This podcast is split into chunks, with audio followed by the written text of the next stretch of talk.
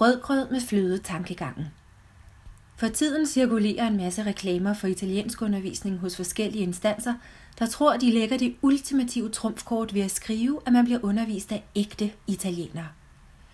I et land, hvor sprog som størrelse ikke tillægges den store værdi, og hvor et enstemmigt folketing i øvrigt ophæver translatørbeskikkelsen, og dermed forestiller sig, at alle, der kan et sprog, og sagtens kan oversætte et juridisk bindende dokument – i et land, hvor den uddannede fagperson til integøres, ja, så forestiller man sig sikkert, at det er en kvalitet at blive undervist af en ægte indfødt. Men lad mig lige slå fast. Modersmålstillæringen foregår i den ubevidste babyhjerne. Formidling af et modersmål foregår i den professionelt uddannede voksenhjerne. I ingen som helst branche på jordkloden kan du sætte lighedstegn mellem indfødt og kvalitet. Jeg selv skulle ikke noget, nyde noget af blot at lære af en indfødt. Jeg vil ikke nærme mig noget med en ildtang, som ikke brænder af kvalitet.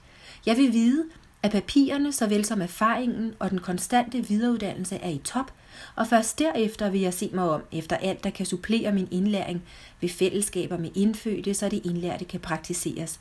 Men som supplement.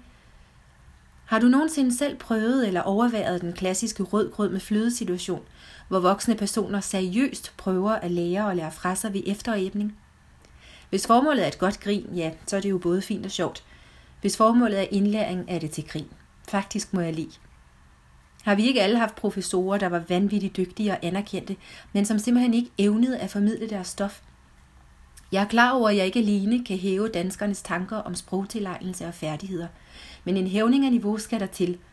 Og måske skal der bare tilstrækkeligt med dårlige oplevelser til, før folk bliver åbne for erkendelsen af, at man ikke bare lærer et sprog af en indfødt, men at sprogundervisning, oversættelse, tolkning og voksenformidling er videnskabelige discipliner, man studerer på universiteter, på linje med jura og økonomi og alt andet, hvis renommé er uomtvisteligt og indiskutabelt.